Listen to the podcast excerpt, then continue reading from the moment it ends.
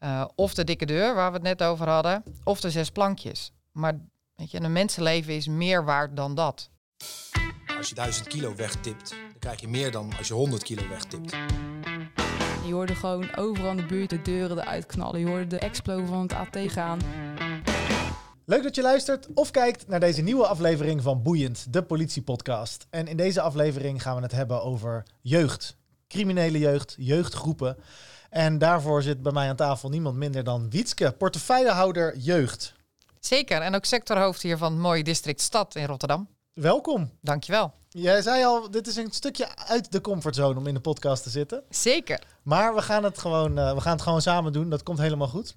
En uh, om jou wat beter te leren kennen, hebben wij een kort verhoor voor jou. Het verhoor.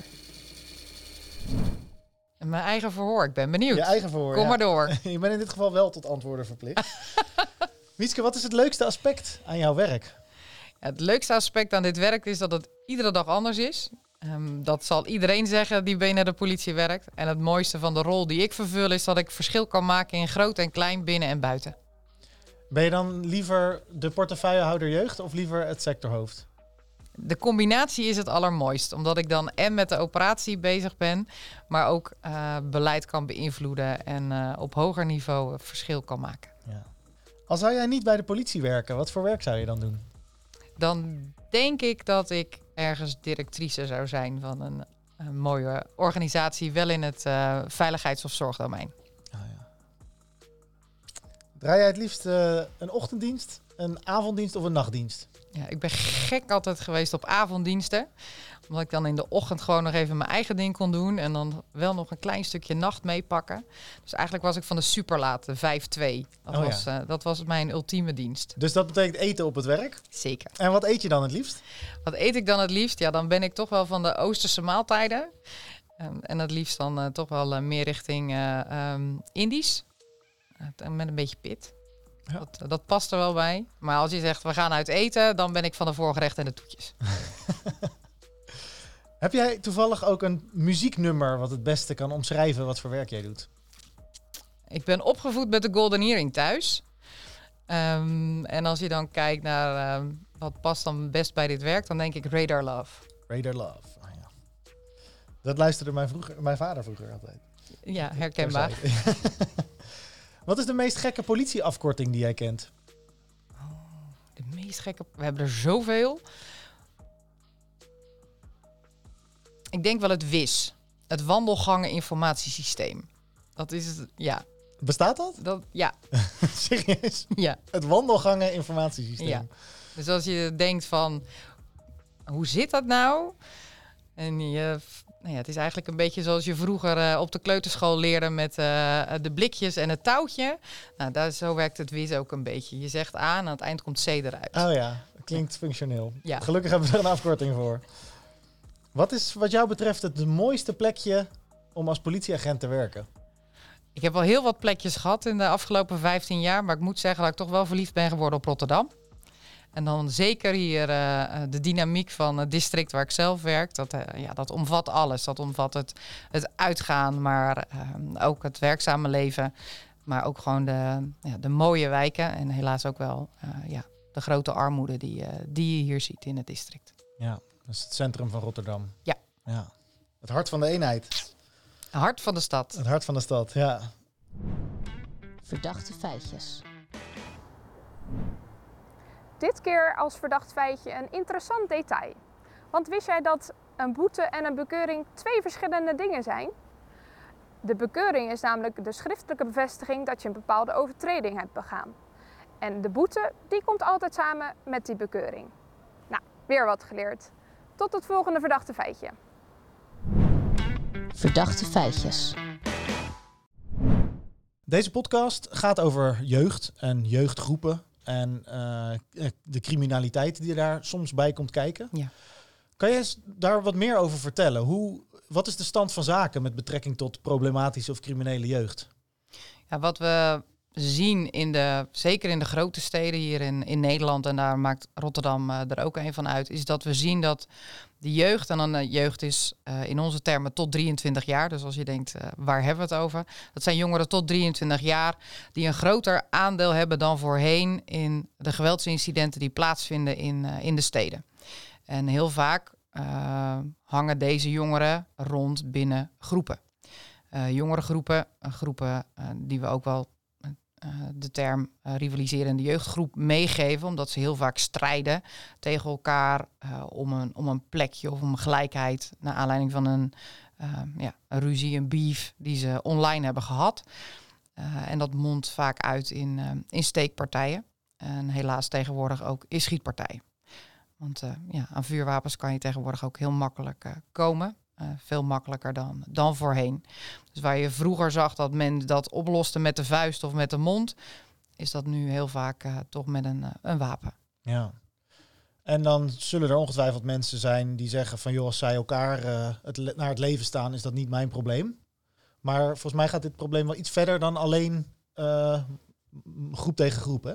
Zeker we weten sowieso dat geweld wordt maar door een heel klein aantal echt uh, gebruikt. Maar geweld is echt gewoon vergif uh, en giftig, omdat je ziet dat het geweld van morgen, dat begint vandaag.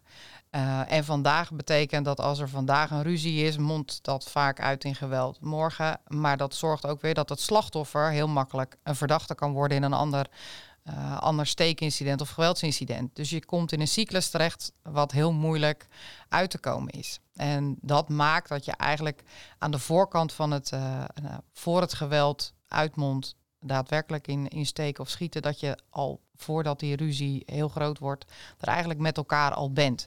Dus of als ouder of wij als politie, maar dat kan ook zomaar jongerenwerk zijn of een school. Want wat we hebben gezien uit onderzoeken, is dat jongeren zich heel vaak op school onveilig voelen, waardoor ze zich gaan bewapenen. Um, ja, en dan heb je een wapen bij je, dan is het toch ook echt heel makkelijk om hem te gebruiken. Ik wil niet zeggen dat ze het doen, want dat is uit onderzoek ook gebleken. Maar de drempel is, uh, is een stuk lager als je dat wapen al bij je hebt. Ja. Is dit iets wat de afgelopen jaren slechter is geworden, erger is geworden? We zien niet zozeer een stijging als het gaat om het uh, aantal groepen Um, maar wat we wel zien is dat uh, verharding is in nou ja, de, de incidenten die plaatsvinden met jongeren. Dus als je kijkt naar het aantal schietincidenten, wat hier in Rotterdam helaas afgelopen jaar echt wel hoog is geweest, zien we dat het aantal uh, verdachten uh, in de leeftijdscategorie onder 23 wel is toegenomen ten opzichte van voorgaande jaren. En dat is gewoon een zeer zorgelijke ontwikkeling. Ja. Wat is de taak en de de stand van zaken van de politie hierin? Ja, de taak van de politie uh, hierin is natuurlijk dat als er een incident heeft plaatsgevonden, dat wij uh, de zaak oplossen. Dus uh, zorgen dat de verdachte binnenkomt, maar ook zorg dragen voor het slachtoffer. Ja, slachtoffers zijn ook met enige regelmaat minderjarig. dus ja, dan heb je ook wel echt een, um, een litteken voor het, voor het leven, wat je met jezelf, wat je meedraagt. En als je het hebt over jongeren die verdachten zijn, ja, weet je, dan is strafrecht is het ultimum remedium. Weet je, er is na strafrecht is er niks. Ja, uh, zes plankies, maar dat wil je niet. Nee. Um, en om dat te voorkomen zijn wij hier wel met de partners en de gemeente en het Openbaar Ministerie ook wel om de tafel gegaan. Van ja, weet je, wat zou nou een antwoord kunnen zijn van ons um, als overheid op dit toenemende geweld en wat wij zien um, aan nou ja, incidenten onder de jongeren. Ja, toen kwamen we uit op, uh, op de Group Finance Intervention. Een, een, strategie die al jaren beproefd is in, uh, in Amerika. Die daar echt wordt gebruikt om, um, nou ja, naar aanleiding van grote drugsproblematiek onder gangs. Um, nou, daar echt het verschil te maken. En ook echt wetenschappelijk aangetoond is dat daar het aantal incidenten substantieel gedaald is. Zelfs in sommige steden met meer dan 60 procent. Ja, dat zijn dan aantallen waarvan je denkt, ja, weet je, al is het maar de helft voor Rotterdam, dan is het al fantastisch. Ja. Uh, maar als we doen wat we deden, gaan we niet komen tot, uh, uh, tot een, um, een oplossing van, van deze geweldscyclus. Ja, dus er is een nieuwe aanpak. Daar gaan we het zo meteen ook zeker verder over hebben. we hebben in eh, aanloop naar deze podcast een aankondiging gedaan dat jij hier als eh, nou ja, jeugdspecialist of portefeuillehouder eh, aan tafel komt zitten. En we hebben daar een aantal vragen vanuit teruggekregen. Jouw vraag. Een van de vragen die gaat over straffen. Er is vaak de maatschappelijke oproep, we moeten zwaarder straffen. Die gasten die zoiets doen, die moeten langer achter de tralies. En tegelijkertijd zijn er een hele hoop ja, wetenschappers en criminologen die zeggen van joh, alleen maar straffen, dat helpt helemaal niet tegen, om recidieven tegen te gaan. En eh, dat is helemaal niet het beste middel. Uh, hoe kijk jij daar eigenlijk tegenaan? Ik ben, heb zelf rechten gestudeerd en daar zat ook inderdaad het vak criminologie in. Dus ja, daar ben ik wel, in, met die school ben ik ook opgevoed. En ik moet ook zeggen dat door de praktijk die ik en zelf bij het Openbaar Ministerie, maar ook hier binnen de politie heb gezien, is dat je van um, de dikke deur niet opknapt. Weet je, sommigen die um, worden er alleen maar um, slimmer van als het gaat op het criminele vlak. En anderen, ja, die hebben een dusdanige achterstand uh, opgelopen op de maatschappelijke ladder dat je die nooit meer, uh, nooit meer bijloopt. Dus het mooiste zou zijn um, als we kunnen voorkomen met elkaar dat, ja, dat je achter die dikke deur belandt. En dat we zorgen dat, uh, dat je voor die tijd al de stap hebt genomen het andere pad op dan het criminele. want langer straffen helpt niet, uh, zeker niet bij jongeren, uh, om uiteindelijk op het goede pad terecht te komen. Ja. Uh, de tweede vraag die we hebben gekregen, dat gaat over uh, ja, hoe die jongeren nou eigenlijk worden gerecruiteerd. Wordt er bijvoorbeeld geld aan ze beloofd? Of hoe komen ze, daar, hoe komen ze in zo'n groep terecht? En een groep terechtkomen, dat kan natuurlijk op verschillende manieren zijn. Dat kan omdat je elkaar hebt leren kennen online of uh, van school of uit de buurt. Omdat heel vaak zie je toch jongeren hangen, uh, hangen op straat. Omdat dat uh, toch lekkerder is dan bij je moeder thuis, die de ogen op je gericht heeft. Want als jongere ben je er natuurlijk toch voor om jezelf te ontplooien en je grenzen te ontdekken. Ja, die grenzen hangen ook samen met de wet. nou, dat is nou eenmaal hoe die hoe een brein van de jongeren werkt. Als je het hebt over recruteren voor een jeugdgroep, dat denk ik dan niet. Het ronselen voor een jeugdgroep als zodanig. Het is echt het vormen van je identiteit. Die vind je of op school of thuis of op straat.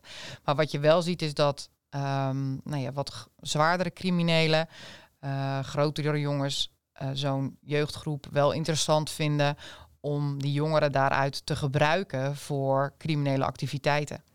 Uh, dat hebben wij uit onderzoek is ook wel gebleken.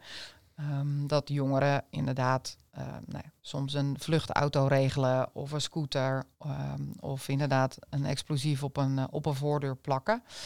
Um, wat maakt dat het ja, uiteindelijk toch weer gelinkt wordt aan een, aan een jeugdgroep. Maar het wil niet zeggen dat iedere jongere die je op straat in een groep samen, samen ziet, ziet klonten, dat dat ook maakt dat ze crimineel zijn. Weet je, dat is niet, dat is niet aan de orde. Dat is, in, is niet iedereen is. Uh, iedere jongere is een criminele jongere die in een jeugdgroep staat. Nee, precies. Want dat is ook een vraag die we nog hebben gekregen.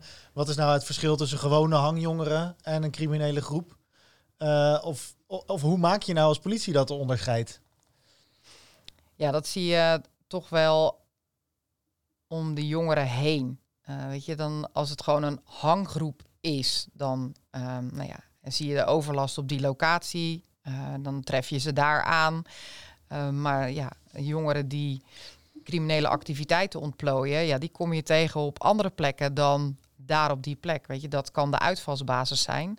Maar die gasten, die, die en ook meiden, laten we ze niet uitvlakken, die kom je uh, op verschillende plaatsen tegen. En dan uiteindelijk zie je um, nou ja, een hele waslijst ontstaan aan um, criminele activiteiten.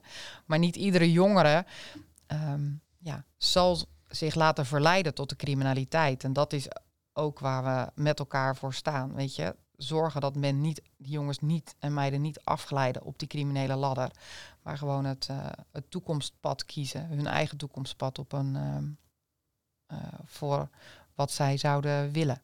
Ja. Um, tot slot een vraag vanuit een van de luisteraars. In wat voor vormen van criminaliteit komen deze jongeren dan uh, terecht? Wat voor delicten plegen ze? Nou, je hebt natuurlijk al een aantal dingen verteld. Hè? Uh, het steken en schieten onderling. Maar zijn er nog andere vormen van criminaliteit waar zij vatbaar voor zijn? Zeker. Ehm, dan, dat zie je terug bijvoorbeeld in eh, het wegbrengen van pakketjes.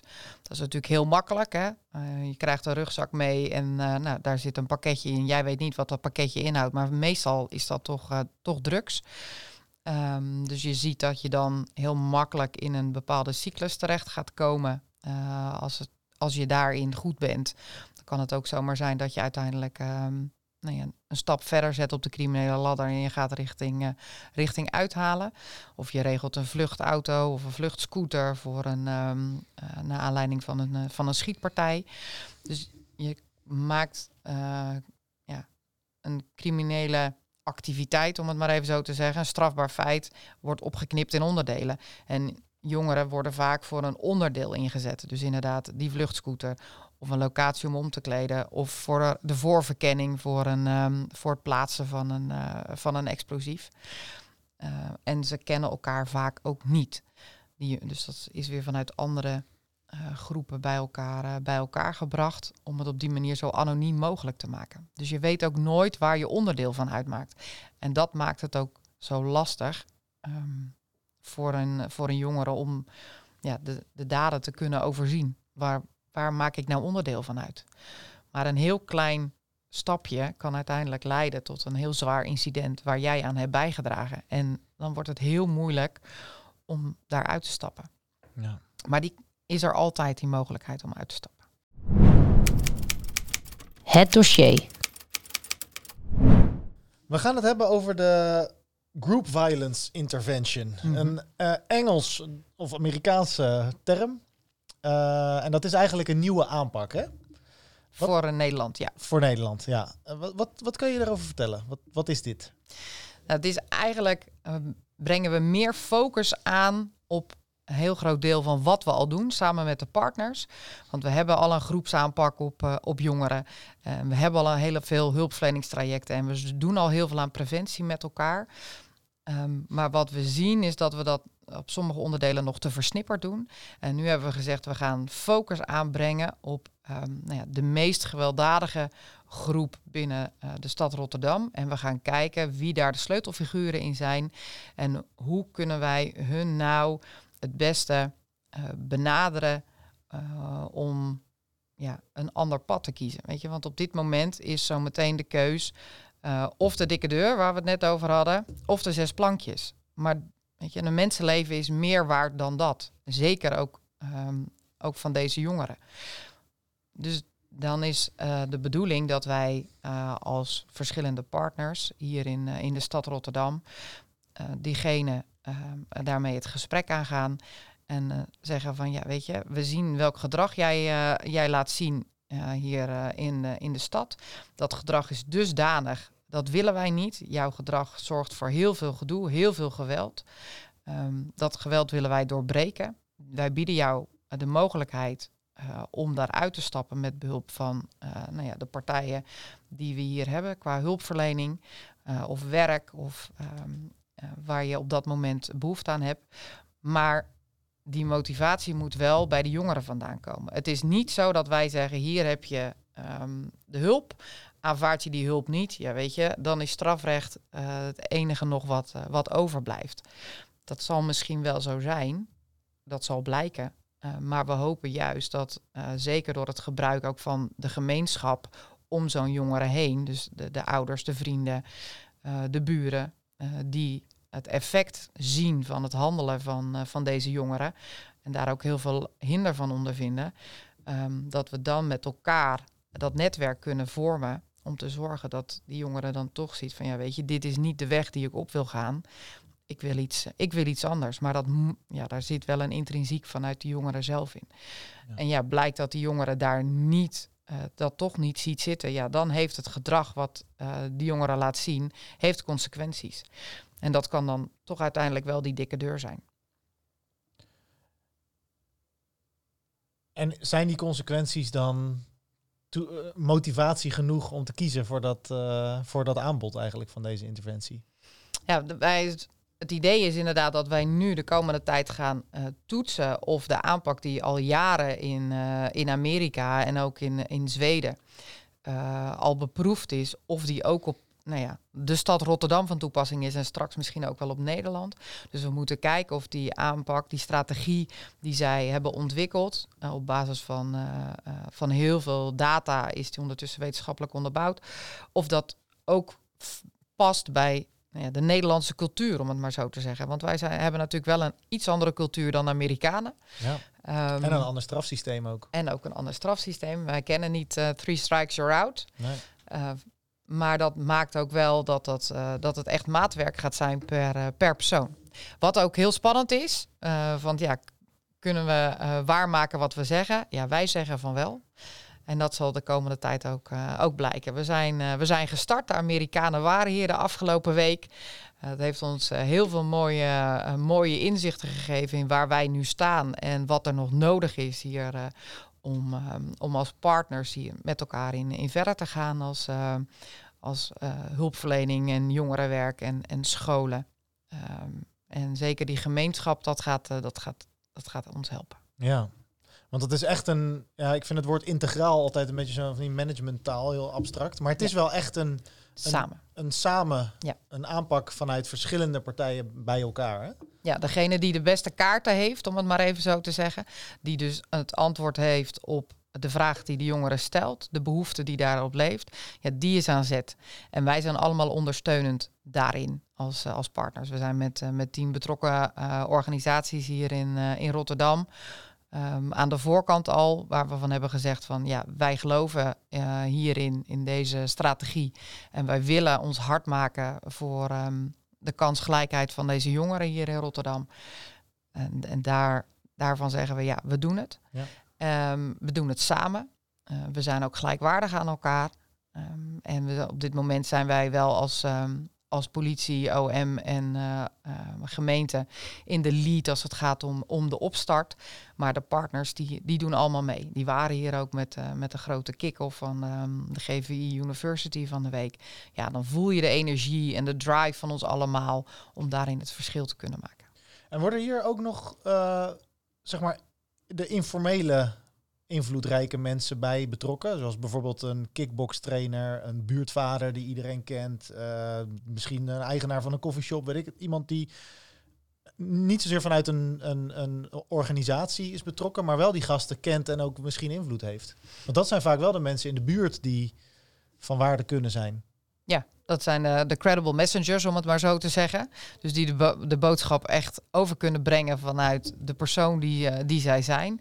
Ja, die zullen dan bij, bij zo'n eerste, eerste gesprek met zo'n jongere, uh, als het even kan, aanwezig zijn. Maar dat, ja, als we eenmaal die sleutelfiguren, um, nou ja, als we die hebben, die focus erop hebben, dan zullen we daaromheen gaan kijken. En wie zijn nou de betrokkenen vanuit de gemeenschap die we daarop nodig hebben. Dus ja, Rotterdam, we komen op de lijn.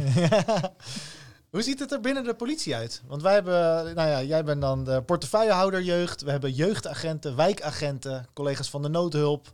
Uh, nou ja, allerlei verschillende onderdelen en taken. En allemaal werken we uiteindelijk aan hetzelfde doel. Maar wat, uh, wat betekent deze aanpak voor de politie binnen de politie? Ja, binnen de politie betekent dat eigenlijk dat we nog meer gaan samenwerken rondom zo'n jongere. Dus dat is vanuit uh, de opsporing, dat is vanuit uh, het basisteam, uh, dat is vanuit inderdaad de senioren jeugd, maar ook vanuit de collega's die op het veiligheidshuis werken. Um, en de ja, informatiemensen. En de ja. informatieorganisatie die is al heel lang bezig voor ons om, om die analyse start goed te doen. Dat alles bij elkaar maakt nou ja, dat wij om zo'n jongere heen um, nou ja, bepaalde mensen om de tafel gaan zetten. Het ligt eraan waar die jongere woont, um, wie daarbij bij betrokken gaan worden. Maar we gaan ja, starten hier in de drie districten van Stad, Oost en, en Zuid. Um, en op ieder district zal een werkgroep komen vanuit, uh, vanuit de handhaving. Um, vanuit alle verschillende uh, partijen die jij net, interne partijen die je net noemde. En daarboven heb ik dan als portefeuillehouder nog weer een, uh, weer een stuurgroep met um, de leidinggevende vanuit de drie districten. Zodat we een overview houden en we ook niet, uh, ja, dat we elkaar in de loop kunnen houden. En ook niet zien dat de jongeren uit Oost ineens op Zuid vervelend zijn. En Zuid heeft dat niet in de gaten. Dus ja, zorgen dat die dwarsverbanden er ook, er ook blijven. Dus ja, het gaat, um, gaat focus vragen van, van ons intern. En ook ja, nog nauwere samenwerking van uh, verschillende processen. Wat ons ook weer gaat helpen in de interne doorontwikkeling. Ja.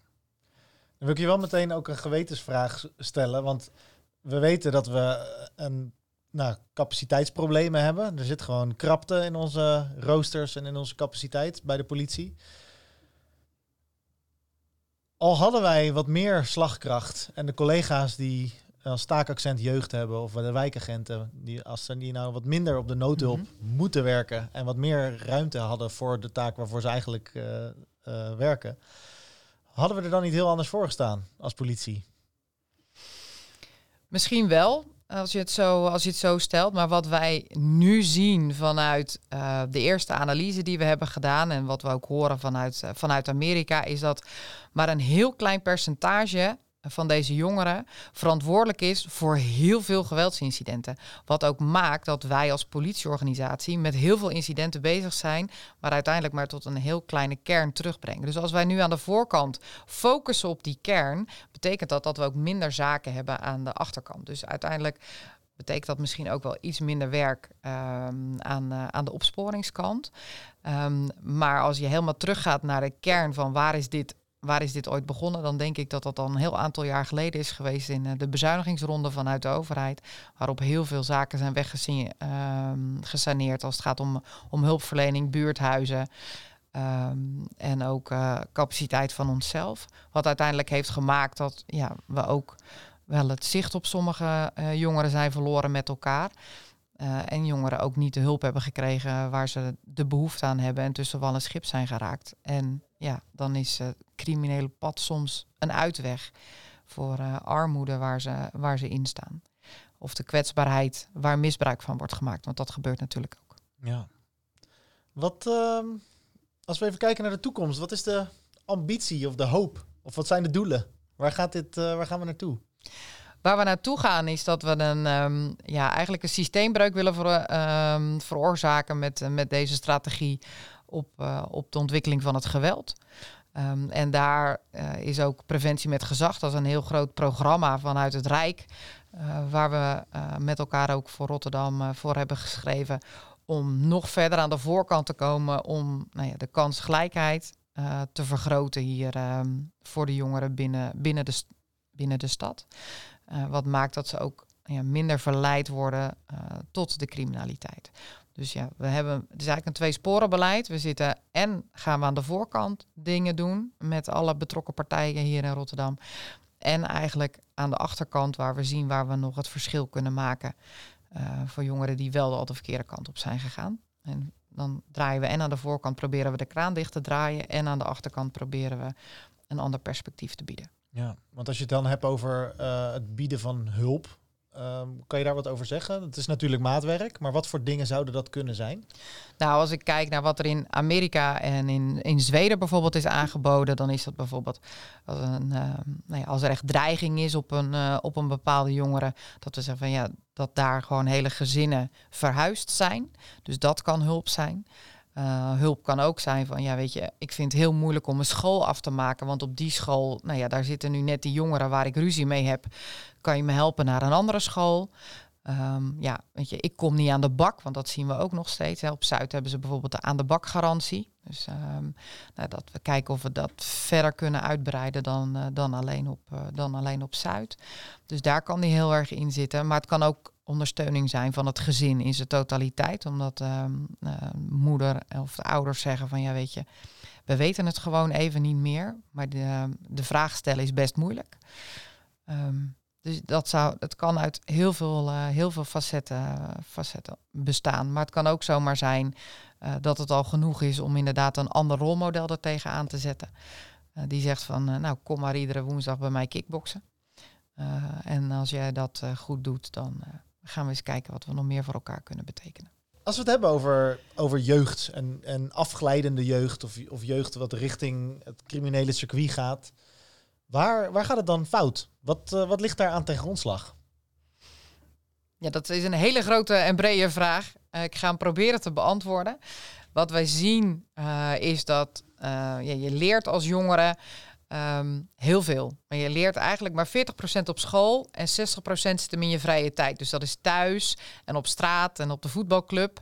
Ehm, en als je ziet dat in een van die facetten eh, nou ja, er, er iets niet goed zit, eh, ja, betekent dat dat er verleiding op de loer ligt eh, voor de criminaliteit.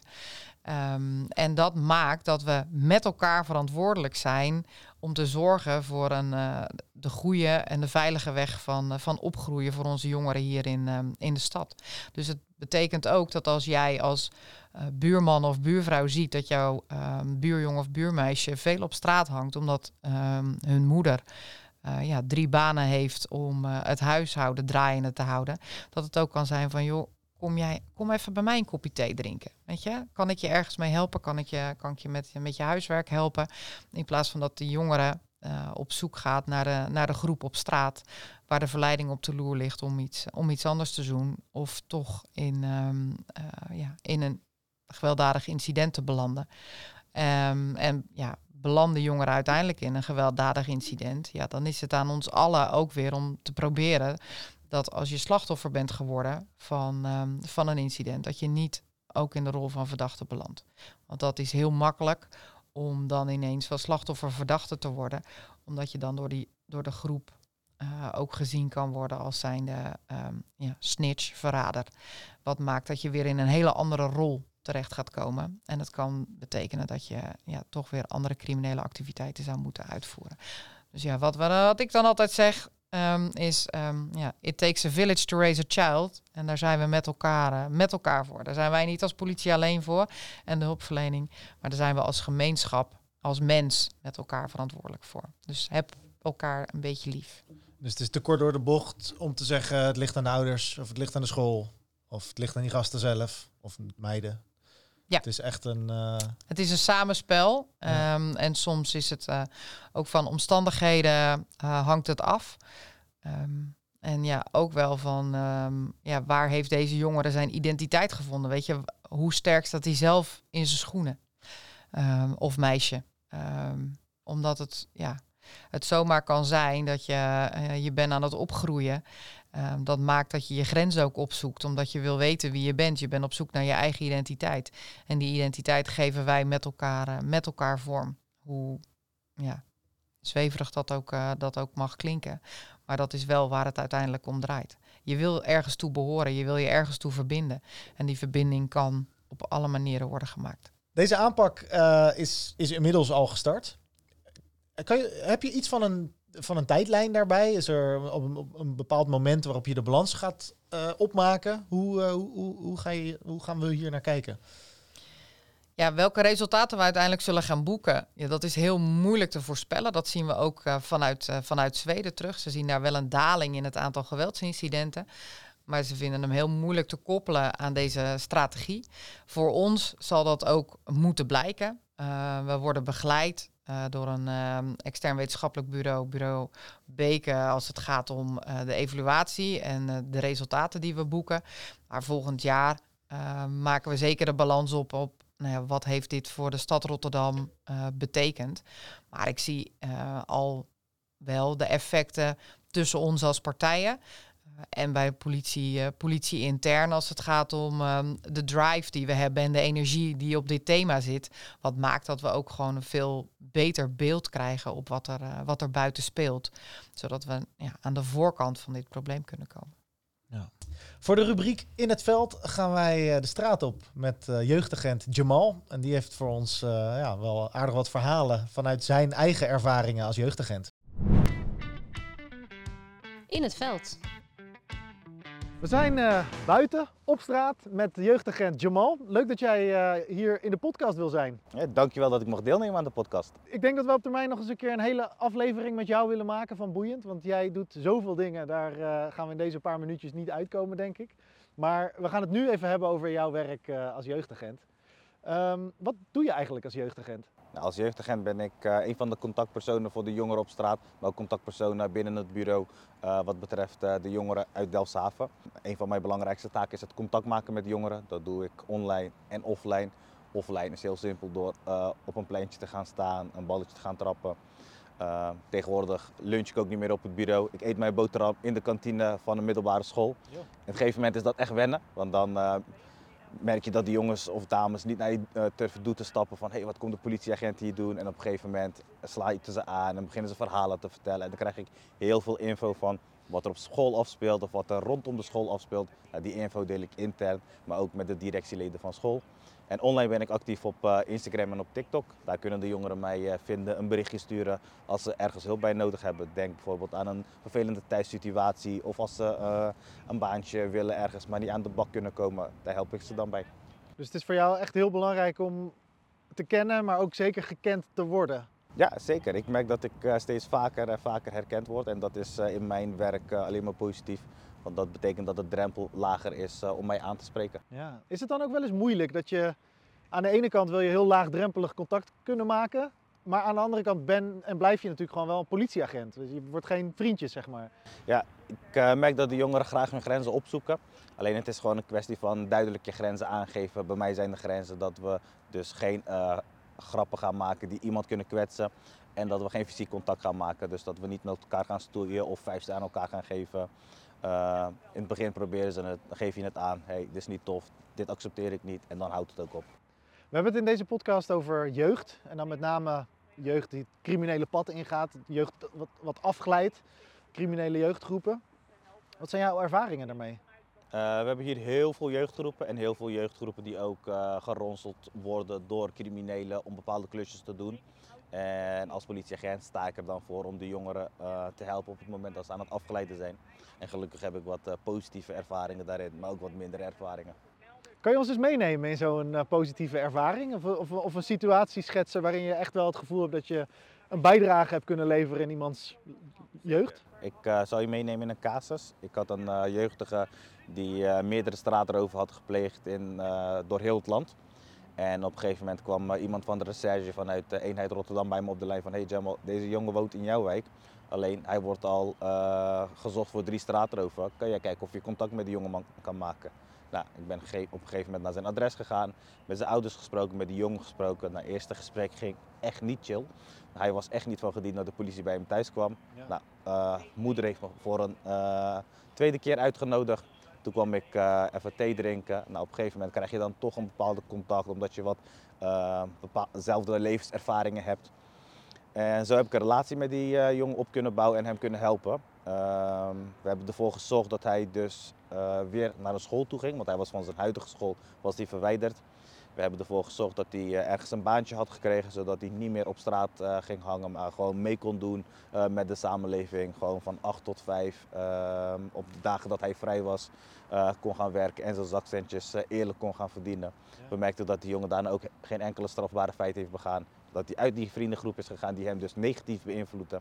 En dat is een van mijn uh, positieve resultaten wat ik heb ja, behaald. mooi man. Daar kan je echt super trots op zijn, denk ik. Zeker. Ik zei als politieagent, ik wil, als ik één jongen red om uit de criminaliteit te komen, dan heb ik mijn uh, daad als politieagent er al gedaan. En ik denk dat er nu inmiddels al meer dan tien zijn. Ja. Dus uh, nou is het record, tenminste het doel, 100. Jij bent als politieagent uh, hier natuurlijk ontzettend goed in, heel ervaren in. Inmiddels zijn er ook zat collega's die een beetje naar jou kijken van hey, hoe gaan we dit nou doen? Tegelijkertijd weten we ook dat het, dat het voor de politie nog steeds een uitdaging is om op de juiste manier contact te vinden met jeugd. Hoe kijk jij daar tegenaan? Waar, waar zouden wij als politie nog beter in moeten of kunnen worden? Ik geef altijd het advies aan collega's, blijf lekker dicht bij jezelf. Ik uh, spreek in mijn privé-tijd spreek ik ook gewoon straattaal met mijn vrienden, met mijn familieleden. En dat is ook de taal waarmee je communiceert met, die, uh, met de jongeren buiten. Maar als jij dat niet in je hebt zitten en je gaat dat proberen, nou, die jongeren die prikken zo door je heen. Dan worden ze, voelen ze zich ook niet serieus genomen, zullen ze jou ook niet serieus nemen. Dus blijf lekker dicht bij jezelf. Toon wel interesse, toon interesse in hun als, je, als het ook echt oprecht is heb je eigenlijk niks met jeugd. Uh, laat het dan vooral aan de collega's uh, die er wel wat mee hebben en wel een relatie met hun kunnen opbouwen, zodat we ze kunnen helpen. Ja, mooi man. Dankjewel uh, voor jouw verhaal hier. Graag gedaan Niels. In het veld. Tot zover deze aflevering van Boeiend over jeugd. Wietske, hartstikke bedankt dat jij hier jouw verhaal wilde delen met ons. Afsluitend, heb je nog een, een boodschap aan de kijker of luisteraar? Jazeker, wat ik net al heb gezegd, we kunnen het niet alleen. Dus maak jij je als luisteraar zorgen om een, om een jongere bij jou in de buurt? Of ben je zelf een jongere waarvan je denkt, nou, ik kan wel een ehm, hulp gebruiken, schroom niet. Zoek je wijkagent of jeugdagent op en die kan je altijd helpen eh, naar het juiste loket. Want ja, samen moeten, we dit, eh, moeten wij dit doen. We kunnen het niet alleen als, eh, als politie. Dus dank jullie wel dat ik hier mocht zijn. Tot zover deze aflevering van Boeiend. De normale afleveringen verschijnen één keer in de twee weken op YouTube, op Apple Podcast of op Spotify. Maar we hebben inmiddels ook een nieuwe rubriek en die verschijnt aankomende maandag. Superleuk, heet Boeiende Verhalen. En daarin nemen ik en mijn collega's jou mee in de dingen die we zo al meemaken binnen de politie. Dus volgende week is er weer een uh, nieuwe aflevering van Boeiend. Dat is wel even leuk. Tot de volgende. Als je 1000 kilo wegtipt, dan krijg je meer dan als je 100 kilo wegtipt. Je hoorde gewoon overal in de buurt de deuren eruit knallen. Je hoorde de explo van het AT gaan.